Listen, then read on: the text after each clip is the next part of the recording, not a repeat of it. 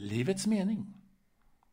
Han svepte in sitt lakan, kritvitt, och gick långsamt till det stenlagda torget där Albertus Pictor Johannes von Bremen vandrat runt i cirklar för att försöka lösa problemet.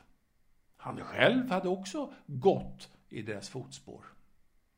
Det var då han hade börjat fundera på livets mening.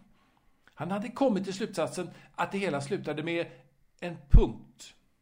Och det som var före den avslutande punkt var förmodligen ett böljande, euforiskt svävande. Fast själva början av meningen innehöll definitivt ett dovt morrande som från djupet av Kabah-grottorna. På torget skulle han avtäcka sig själv och stå helt naken inför menigheten, yppa livets mening och sen implodera. Hans mor hade vid frågan alltid blivit förargad och sagt åt honom att meningen är inget att bry sitt huvud med. Hans farbror Seke hade flera gånger försökt övertyga honom att meningen, paradoxalt nog, är meningslös. Hans bror Alban slutligen tvinnade alltid sina mustascher när han hänvisade till en filosofisk tradition som sagt att meningen är citat upp till var och en att fylla. Slutcitat. Men nu hade han funnit meningen och den meningen skulle kunna ge honom nyckeln till universum. Nyckeln var av guld och vägde lika mycket som en fullvuxen get. Det krävdes två fullvuxna karar för att vrida nyckeln ett fullt varv eftersom gravitationskraften för guld är betydligt större än för människor. Kraften är girigare än fursten i Gerak, sades det. Guldet ville tillbaka varifrån det kommit. Jorden. Genom fyra tidsåldrar hade man försökt att öppna universum. Men ingen hade ännu funnit det hål där nyckeln skulle passas in. Man hade till och med burit upp nyckeln till bergsmassivet vid Urdu och under ackompanjemang av disciplinerade, taktfasta koppar, trummor och från gryningsvitan till mörkerfallet hade man hållit på. Männen hade fortsatt tills de slutligen, våtslippriga av svett, djupt bedrövade, hade fått ge upp företaget. De hade dödats dagen därpå därför att de varit orena. Men han visste varför de inte hade lyckats. De var inte orena. Det var det att de inte hade funnit livets mening och därför inte kunde öppna universum. Fadern hade prövat genom att åderlåta sig och i febern sökte för meningen. Blodet på hans armar och bröstkorg var redan intorkat och hemsökt av grönglänsande spyflugor. Inte heller han var syndig. Han hade helt enkelt inte hittat meningen. Framme vid torget fanns ännu bara den enögde pumpaförsäljaren och en flock hönor med färglösa, genomskinliga, sjuka Jädrar. Gubben satte sig på en sten och började iaktta hans förberedelser medan han nynnade på en melodi och slog rytmen med sin käpp. Och då och då spottade gubben pricksäkert på hönorna som då flög upp och kacklade som vore de nackade.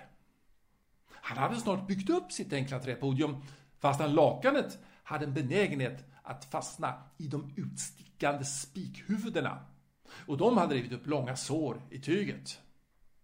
Men snart kunde han vända sig mot den lilla skara som nu hade samlats kring podiet och han kunde nu möta deras uppfordrande blickar.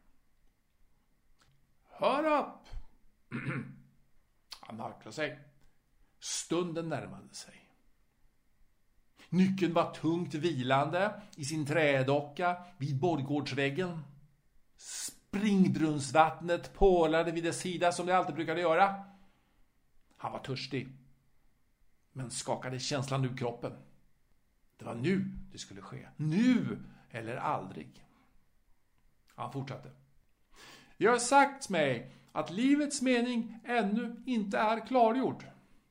Därvid kan vi inte heller öppna universum med den enda existerande nyckeln.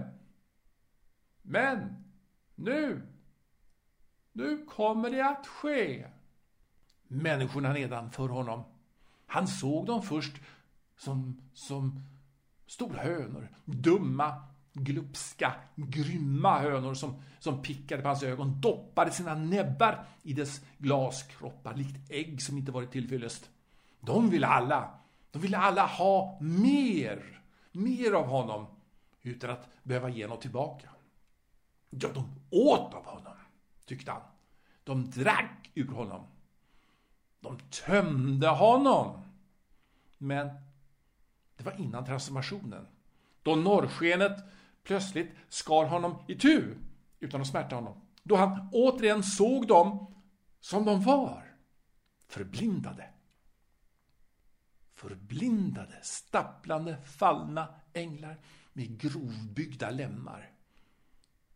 Själar som ohörbart ropade på assistens eftersom de saknade insikter och den minutiösa precision som de skulle kunna få senare. Han tyckte sig falla igenom marken och efter, som det verkade, en miljon år tyckte han sig höra sig själv säga Kära vänner, livets mening, livets mening är följande. Livets mening är följande. Nu viskade han, så ingen hörde vad han sa. Någon tyckte sig höra ett mm, lät det men de skakade på huvudet och gick från torget. Livets mening är följande.